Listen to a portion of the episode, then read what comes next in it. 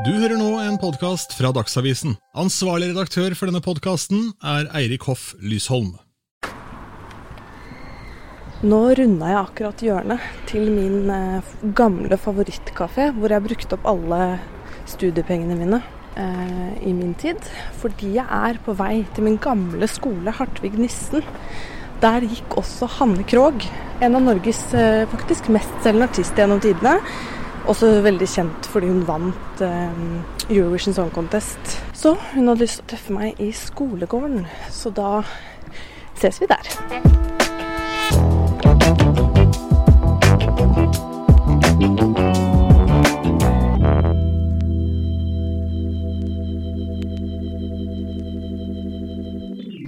Hei. Er det altfor varmt her? Jeg har funnet et sted i skyggen. Ja, har du det? Ja. Jeg står et sted jeg egentlig ikke har lov å stå, men uh, skal vi si at jeg bare står der likevel? Å, jeg vet ikke. Er det normalt? Ulovlig Nei, egentlig ikke. Så kanskje, Men der står det med særskilt tillatelse. Så Du må gjerne finne en ny parkeringsplass, altså. hvis vi har hvis vi står Er det mannen din med grønnsak, da? Hvor da Fikk satt du en grønnsak i stad? Nei, det var en bonde som skulle levere noe, så sa han du må, du må lukte på dette. Lukter så vanvittig godt. Og det var det med? Det var thai basilikum som, som holder på. på.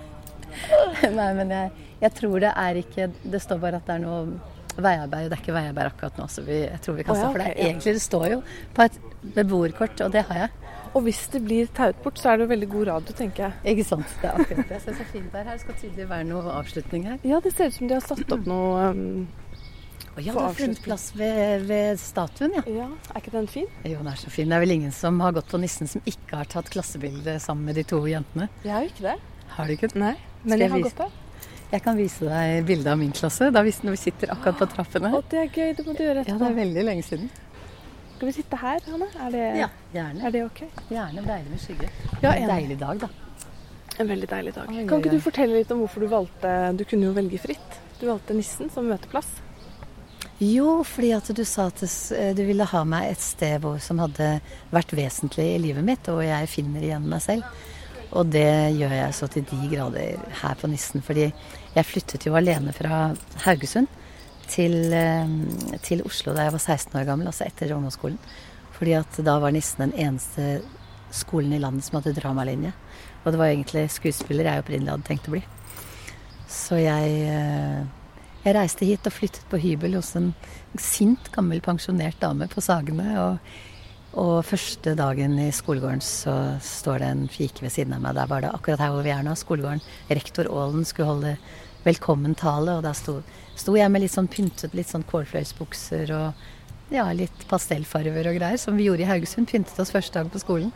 Og ved siden av meg sto det en jente med fotsiponsjo og hyssing i håret og en virkelig sånn velbrukt skinnryggsekk.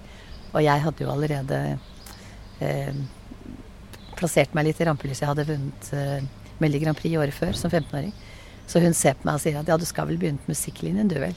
Så jeg nei, så jeg skal begynne på drama, og det ser jeg at det skal du også. Og fra det øyeblikket var vi bestevenninner. Og da vi kom inn i klasserommet, så trodde alle at vi hadde vært venninner siden barnehagen.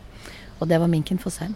Nei, du tuller? Mm, Oi, så- fikk jeg frysninger på ryggen. og hadde det ikke vært for Minken, så vet jeg ikke om jeg hadde, hadde blitt igjen i Oslo. Fordi hun og hennes familie ble min familie. Den familien jeg virkelig trengte. Og så var det jo så grusomt. Det er jo nesten akkurat tre år siden nå at Minken forlot oss. Og det, det syns jeg Siri Senje, som også gikk i klassen vår, som er professor i manusskriving på Westerdal, forresten. Hun skrev sånn nydelig nekrolog, og hun beskrev det helt riktig. Hun sa at minken var vårt leirbål. Og jeg savner henne hver eneste dag. Men denne skolen ble mitt liv. Men Hva er ditt så... forhold til nissen? er det tilsvarende? Det er ikke tilsvarende. Det er ikke så kult som ditt. Eh, jeg vil bare gå på dramalinja. Jeg vil også bli skuespiller. Ja, jeg ser det. Her sitter vi. Du ble jo litt skuespiller, du. Jo. Du spiller jo søren meg Sonja i 'Reisen til julestjernen'. Ja da. Og jeg har gjort en del skuespill ellers også, men ikke så mye som jeg egentlig hadde tenkt, og som jeg kanskje burde. For jeg tror faktisk fremdeles at det er kanskje det talentet jeg har. Men, eh, men eh, ble, jeg ble artist istedenfor, og egentlig så har det vært fantastisk. For du kan jo bruke mye av det også i den type forestillinger som jeg gjør. Fordi at jeg er vel kanskje først og fremst en historieforteller. Og det er jo det man er som skuespiller. Men uh, hvorfor ble du artist da, først og fremst? Hva skjedde som gjorde det? Var det, var det Grand Prix, eller var det, nei, nei. Hva var det som Nei, jeg har jo fått det spørsmålet noen ganger. Når valgte du å bli artist? Og jeg sier at uh, jeg uh, Valget måtte vært motsatt. Valget måtte vært å velge å ikke bli artist. For jeg tror at artist er det jeg er, og det er det jeg var. Eh, så jeg gikk opp på scener før jeg visste at det var noe som het scener. Første scenen min var på, på disken i godtebutikken på Lambertseter. Oh, ja. For jeg, da var jeg fire år. Og jeg ble sendt over for å kjøpe sigaretter til foreldrene mine. og hvis jeg sang da, så fikk jeg sånne salttabletter som med stuppedamme på, vet du. Det fikk jeg i honorar, så jeg begynte allerede, allerede da. Så morsomt. Jeg ble også bestukket Jeg sang som barn, eller da jeg var yngre. sang jeg mye. Du ser ut som en sanger. Ansiktet ditt Synes du det? er veldig sangeransikt, ja. Hvordan kan man se det? Nei, det er noe med sånn linjer i ansiktet, og hvor kinnbenene er, og måten man bruker munnen på. Oi, så gøy. Mm. Ja, nei, det, det, har jeg aldri gjort før. Men i hvert fall da fikk jeg Pappa ga meg liksom 50-lapp hvis jeg sang en sang i et selskap. Så han sniklærte meg å opptre foran andre mennesker. Da. Moren min gjorde ikke sånn. nei, nei, moren min var alltid engstelig hvis jeg skulle opptre noe sted. Så var, jeg måtte ut av huset hvis jeg skulle opptre, tror jeg. Ja, hvorfor var hun, Hva var hun engstelig for? Nei, hun Jeg vet ikke. Jeg er ikke sikker. Hun bare Jeg kunne aldri ha med mor på, på jobb, f.eks. Første gang det sto sånn annonse i Haugesunds Avis, for vi flyttet til Haugesund etter at foreldrene mine ble skilt. Og første gang det sto annonse at Hanne Krogh synger sånn og sånn, da var jeg ni år. Og det var ikke noe Jeg ville ikke ha med moren min, for hun ble mye mer nervøs enn meg. Så jeg gikk dit alene. Oh, ja. Hva syns hun om eh, at du ble Nei, jeg husker hun ble, hun ble spurt om det da jeg vant Grand Prix da, som 15-åring. Om hun ikke var stolt, og da sa hun at jeg har alltid vært stolt av Hanne. Hanne kunne gjort hva hun ville. Jeg ville alltid vært stolt av Hanne. Så hun var ikke så veldig opptatt av det med artisteri. Hun var nok kanskje litt redd for at det skulle At det skulle bli vanskelig for meg. For det er jo, det er jo Du gir fra deg noe veldig vesentlig når du gir fra deg anonymiteten din. Eh, det er en stor eh, eiendom. Det har jo du gjort nesten hele livet ditt. Nesten hele livet ditt har du vært kjent. Mm. Hvor, eh, gjorde det det? Altså, var det vanskelig, eller har det vært det? Eller hadde moren din rett? på, på, enkelte områder så tror jeg nok kanskje at hun hadde det. Eh, det, det, er så vanskelig. Jeg har jo ikke levd noe annet liv enn dette livet her. Jeg husker jeg skrev den første sangen jeg skrev etter, etter Bobby Socks. da. Hvor jeg hadde vært ute i mange år, og hvor ting helt, gikk helt ut av proporsjoner. Da, den første sangen jeg skrev da, den, den, er sånn Kan jeg lese den for deg? Mm. Helt innerst, langt der inne, fins du som en gang var meg. En uredd jente skapt til å vinne alle slag underveis. Helt innerst, langt der inne, en levende liten sjel. Med lidenskaper som burde vært mine og ikke blitt tiet i hjel. Hvem har tatt mine dager? Hun bruker mitt ansikt og lever mitt liv. Hvem har tatt mine dager? Hun endrer min tanke, gjør troen til tvil. Hvem har tatt mine dager? Fordi det tror jeg du innimellom kan Du blir på en måte fanget i et slags sånn ytre bilde av deg selv. Som gjør at du glemmer å være helt og holdent til stede eh, som det du egentlig ønsker. For du rekker ikke å kjenne etter. Du rekker ikke å kjenne etter følelsene dine. Eh, det har jeg prøvd å gjøre noe med de siste årene. Og ikke minst hatt hjelp i pandemitiden, hvor man fikk tid til å lande i sjelen. på en måte. Mm. For hele livet mitt har vært så uendelig travelt. Hva har skjedd når du har landet i sjel? Har det skjedd noen nye ting som har dukket opp når du har fått mer tid til å kjenne etter? Ja, egentlig ja. Det er liksom man, man, har fått tid til å sortere litt i ideer. Og tenke litt hva vil jeg egentlig bruke tiden min på? Jeg, um, for det, det som har kjennetegnet meg gjennom hele karrieren, er at 90% av alt jeg har gjort, har vært mine prosjekter, har startet i mitt hode. Jeg syns det er så gøy å komme på nye ting som ikke er gjort før, og se om det er mulig. Jeg, den der prosessen fra idé til virkeliggjørelse syns jeg er uhyre spennende, altså. Men har du fått noen nye hobbyer? Jeg bare tenker, Mange i koronatiden har jo fått nye hobbyer. Begynt å bake surdeigsbrød og nei, jeg har ikke gjort det. oppdaget nye ting. Nei, nei, jeg har faktisk ikke gjort det. Jeg, eh, jeg har bare sortert planer og ideer og sånn, for det er vel egentlig min hobby. Jeg elsker å finne på ting. Så det, hvis det er en hobby, så har jeg Nei, jeg har ikke det. Jeg har ikke begynt å bake surdeigsbrød. Datteren min derimot har blitt ufattelig flink til å bake kaker. Og til og med begynt å hekle. Så jeg er jo så imponert, for det er sånne ting jeg ikke engang tenker på at jeg skal bruke tiden min på. Jeg vil litt tilbake til den uh, nydelige sangteksten som du ja, leste opp for meg. Mm. Er det da en følelse av å spille seg selv litt? At man uh, spiller en rolle for andre? Um, nei, jeg, jeg, føler ikke at jeg spiller en rolle. Men jeg føler at jeg ikke helt rekker å tenke etter hva ønsker egentlig jeg akkurat nå. Uh, fordi at uh, det blir Hør, nå kommer ungdommen forbi oss her og tenker hva gjør de voksne damene her på vår, på vår plass? Jeg er jo ikke så mye eldre enn dem, da. Hei, hei. Hallo. Hei. Nei, du er jo ikke det. Nei, jeg tenkte mer på meg her. Ja, nei, jeg blir 25 Hvordan? i morgen, skjønner du, så jeg har litt Nei, krise. gratulerer! Er det sant? ja.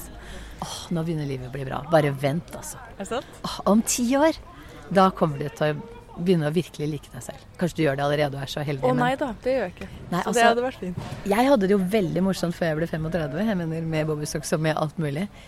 Men etter 35 så begynte jeg å like meg selv, og jeg begynte å gi fullstendig blaffen i om andre likte meg.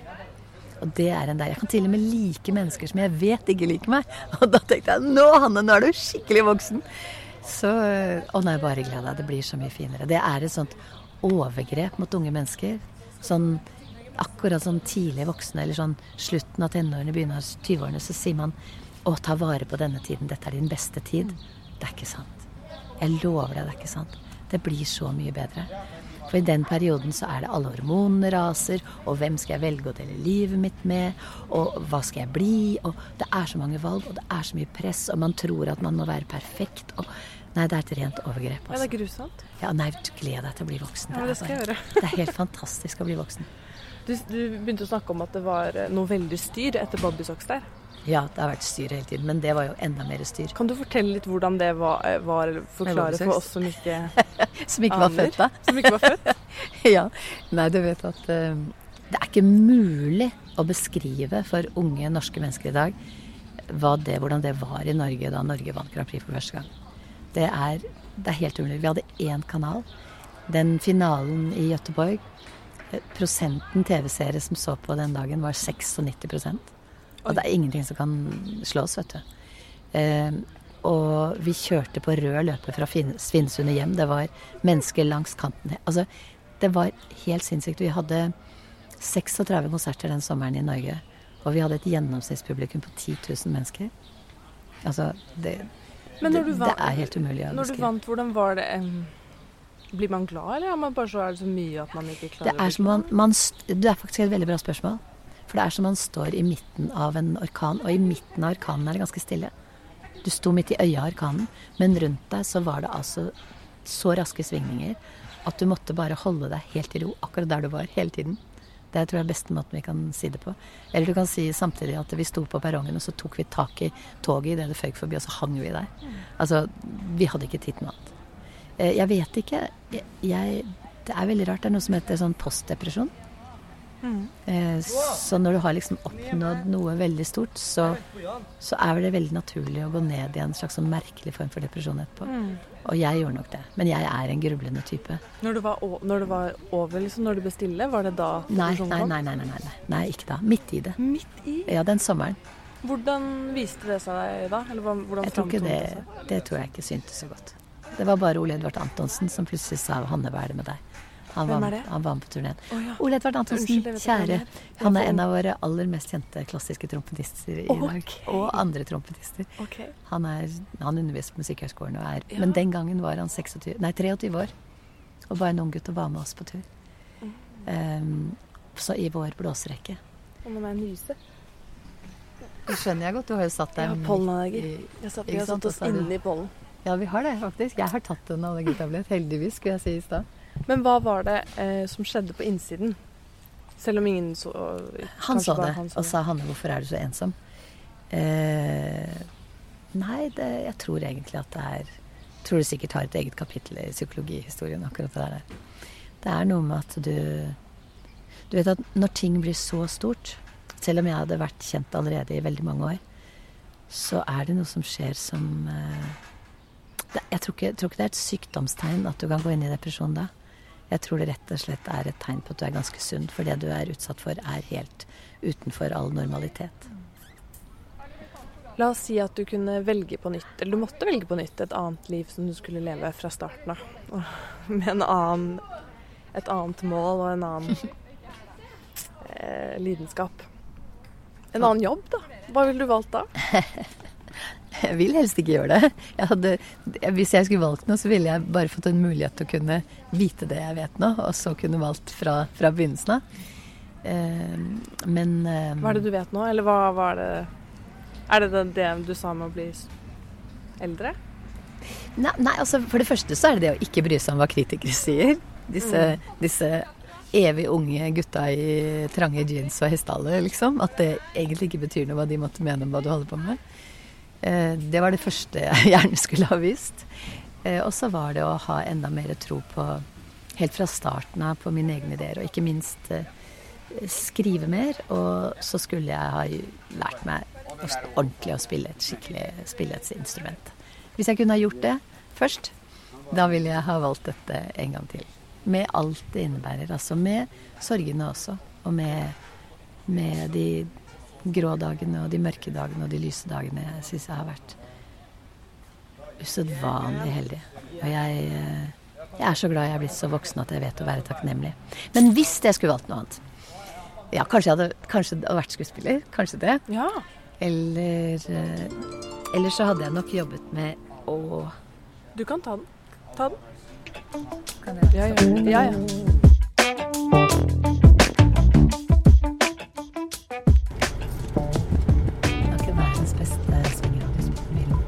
Men kan ikke du forklare for lytteren hva som skjer nå, Hanne? Så vi får Ja, nå lukeparkerer jeg. Syns du ikke at det er kjempefint? Jo, ikke at du lukeparkerer, men hvor skal vi? Ja, nå skal vi nå, nå, går vi nå ble det så mye mennesker der vi satt, at nå går vi og går inn til sønnen min. For der har de en veldig koselig bakgård. Som ikke er fullt så koselig ved å sitte på nissen, men som allikevel er en veldig hyggelig bakgård. Er sønnen din hjemme? Ja, han er det. Mm, da får jeg hilse på han òg. Så gøy. Ja, så hyggelig. Det må vi gjøre. Han er verdt å hilse på. Hallo. Jeg har med en gjest òg. Æsj, æsj, æsj, æsj. Kom inn, Selma, så går vi ut i. Vi må bare gå gjennom her. Hei, lille Pekka. Hei. Sorry, what? Får du ett sekund, Sverre?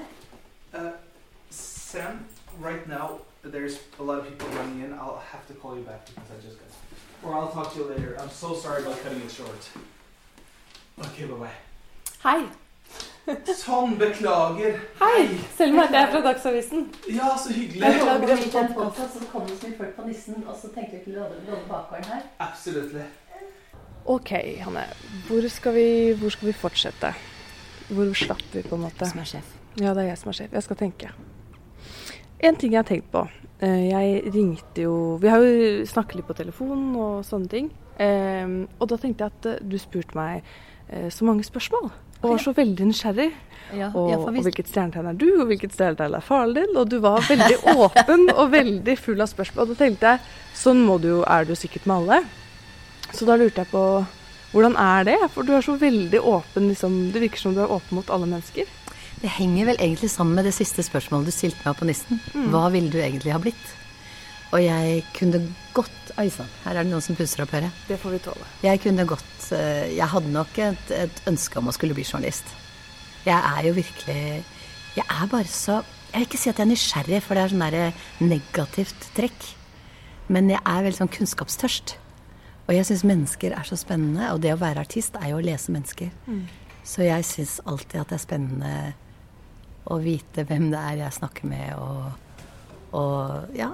Ja jeg, jeg, da jeg hadde snakket med deg, så var jeg klokere. Da hadde jeg lært noe mer. Jeg er bare alltid på jakt etter, etter ny kunnskap. Og Kanskje vi skal sitte inne i gangen, eller kan vi det? ja, jeg, Jeg tror det. Jeg tror vi må det. Kan du prøve? Vi kan jo sette oss inn, og så bare lukke døren til kjøkkenet. Oi, helt tåle litt ungeskrik. Men du, vi sitter i trappa, tror jeg. Vi i Skal vi gjøre det? Ja, vi I trappa med Hanne Krogh? Det er jo Ja, ja, ja. Din. Men det jeg lurer på da, er om man blir litt sliten av å være så um, Åpen mot alle? Jeg er ikke nødvendigvis så åpen mot alle, tror jeg, hvis ikke jeg føler at det er en viss form for um, en, sånn, en mulighet for kommunikasjon. Men ellers så er ikke jeg så redd for å være åpen. Jeg har ikke så mange hemmeligheter. Jeg, eh, jeg syns bare det er så gøy. Jeg er som sagt så utrolig kunnskapsjunkie. Og jeg vil liksom åpne Når jeg snakker om stjernetegn, da, så er jo ikke det fordi at jeg liksom tror fullt og fast på det. Det er bare fordi jeg, jeg vil åpne så mange dører jeg kan inn til mange rom. Jeg har ikke tenkt å bosette meg i de rommene. Det er bare så morsomt å se hva som fins der. Mm. Så traff jeg jo på dine, Da, så var det jo greit. Kan du merke at jeg er født i tvillingen, da? ja, du er jo det det mest kommunikative av alle tegn, da. Ja. Så det passer jo veldig godt for at en journalist at han faktisk er i tvillingene. For det er, tvilling er veldig mye ord. Men er du religiøs? Du er det? Jeg bruker ikke ordet religiøs. Nei. Fordi jeg syns at eh, religion er litt selvmotsigende. Fordi i det øyeblikket mennesker fanger sin tro på en gud i våre ord og dimensjoner, så er det jo ikke lenger Gud. Da er det jo bare oss, mm. på en måte. Men er det en gud i den Ja, men hva er en gud? Er det, det er, Jeg tror ikke på en mann med langt, hvitt skjegg som hit sitter ved et bord i himmelen med sønnen sin ved siden av seg. Det tror jeg ikke på. Men jeg ønsker å tro at det finnes en kjærlighetskraft som omfavner oss alle. Jeg tror at vi via vår kjærlighet til hverandre klarer på en måte å hekte oss på den høytspentmasten med den altomfattende kjærligheten som jeg ønsker å tro på. Mm. Og det er kanskje det verste med å, med å nekte mennesker å få lov å kjøf, føle kjærlighet til hverandre. For det finnes jo ingen sil for kjærlighet. Enten så slipper du kjærligheten igjennom, eller så gjør du det ikke.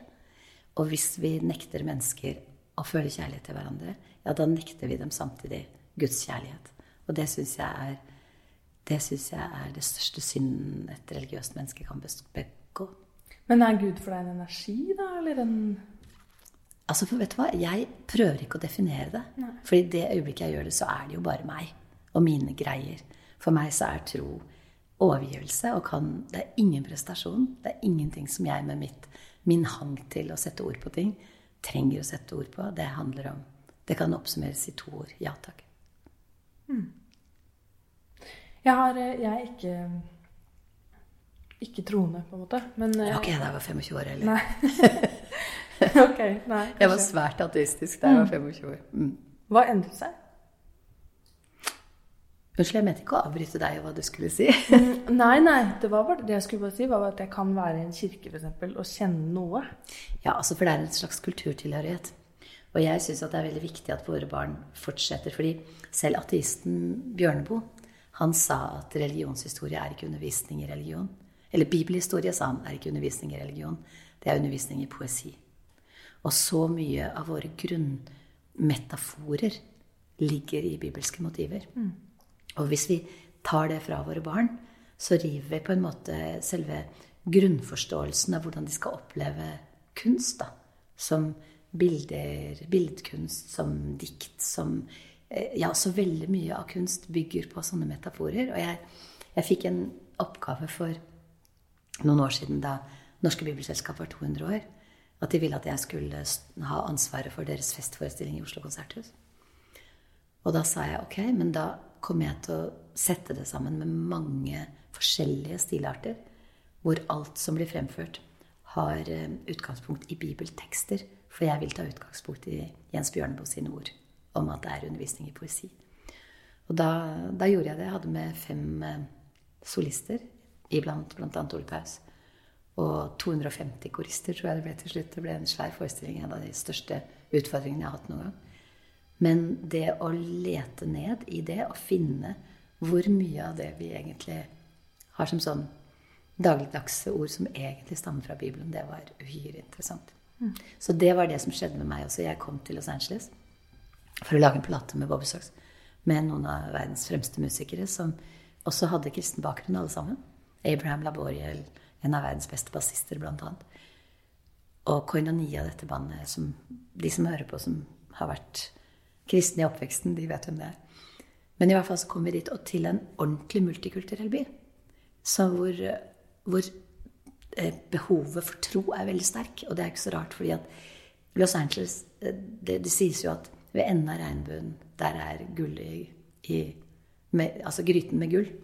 Så jeg husker jeg begynte på en sang som heter 'Her ved enden av regnbuen'. Ja. Um, uh, her ved enden av regnbuen var gullet i gryten alt vi fant. Um, hva var det jeg sa? Nei, nå husker jeg ikke. Uh, men, men, altså, det med at da ser du hullet i myten, akkurat sånn som gullet i gryten. Ja, okay. Og når du kom dit, så fant du ut at ok, hvor er mitt, min forankring? Hvor er mitt fotfeste? Og da skjønte jeg plutselig at det kristne, kulturelle kristne, det var jo absolutt der jeg hadde mitt fotfeste. Gud, det var et langt svar. Ja, men det var et fint og langt svar. Det er bra. Hanne, har du noe imot at vi tar, avslutter resten av intervjuet i bilen din, der det er stille?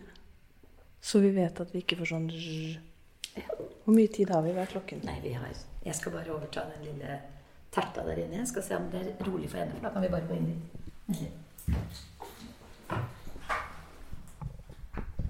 Vi går inn. Ja. Vet du hva? Jeg skal faktisk flytte dit. Hit? Jeg skal bytte hus med Sverre. Å ja, gud. Skal dere bytte hus? Er det vanlig? Det lager vi noe på neste gang.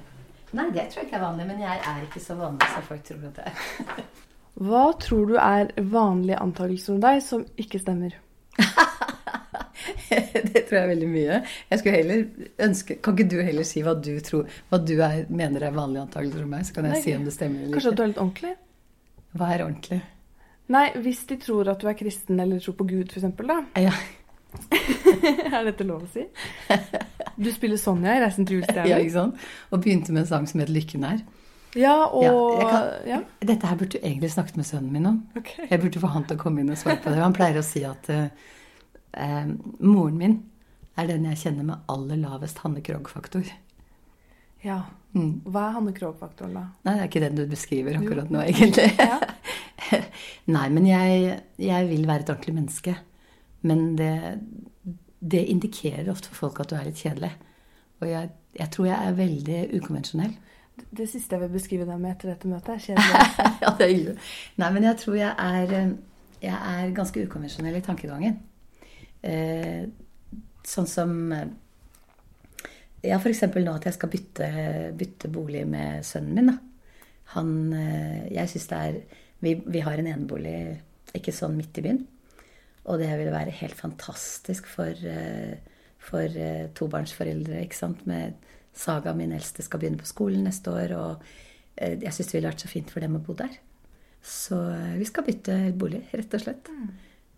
og mannen min vil ikke flytte hit. Så jeg sier ok, men da bygger vi en leilighet til deg i, i den boligen. Og så har vi dobbeltseng begge steder. Så skal, kan vi date istedenfor. Er det sant? Ja. Men vi er, vi er jo mye på reis. Vi er mye på hytta vår, og vi er mye annet på reis. Og vi har et sted i utlandet også, så vi eh, kommer til å være mye sammen, vi altså. Men eh, jo, jeg, jeg syns ikke det er nødvendig eh, å gjøre alt sånn som alle mennesker gjør alt. Jeg har aldri forstått det. Helt fra jeg var bitte liten, så har jeg aldri forstått at man skal eh, At man skal gjære seg sånn inn i konvensjoner. Jeg forstår ikke konvensjoner. Jeg har aldri noensinne gjort det. Ikke har jeg noe sånn veldig respekt for autoriteter heller, hvis ikke de har fordi at de er autoriteter. Selvfølgelig har jeg respekt for mennesker, men det er alle mennesker. Ikke fordi de er autoriteter. Men det er klart man ser opp til noen hvis de har egenskaper som jeg syns er verdt å beundre, så gjør jeg jo det. Det er ikke noe sånn rundt og sånn selvhevdende 'jeg kan alt'. Jeg kan ikke alt i det hele tatt. Men eh, Nei, jeg tror ikke jeg er så veldig sånn. Jeg har aldri bakt en kake, f.eks. Jeg er sikker på alle tror at jeg gjør det hver uke. Jeg er ikke noe glad i å lage mat. Jeg er ikke noe glad i innredning og klær og sminke og sånt. Det ser du jo, jeg har jo ikke sminka meg i det hele tatt. Eh, Sånne Så Men jeg er utrolig glad i å lære nye ting. Jeg elsker å stå på scenen. Jeg ble akkurat spurt i et radiointervju Hanne, hvor vil du tilbringe alderdommen. Er det på Haugalandet eller i Oslo eller i et varmt land, så sa jeg jeg vil tilbringe alderdommen på scenen. For der er jeg trygg. Der er jeg aller tryggest. Der er jeg ja, mest rampete også, kanskje. Jeg var på restaurant med kjæresten min for litt siden, og så var det noen sånne samtalekort på bordet. Mm. Og da var det ene spørsmålet hvordan har synet ditt på kjærlighet endret seg de siste ti årene? Og det syns jeg egentlig var et ganske spennende spørsmål, så jeg har litt lyst til å stille deg det. Bare de siste 20. ja, akkurat det, det, det, tok jeg faktisk opp på siste turneen min som jeg hadde med Alexander Rybak. For da snakket jeg om at jeg tror at et sted i menneskehetens historie så ble synet på kjærlighet snudd opp ned. Fordi konvensjonen tilsier at hvis jeg er glad i deg, så skal på en måte du være takknemlig for at jeg er glad i deg. Men sannheten er jo helt motsatt.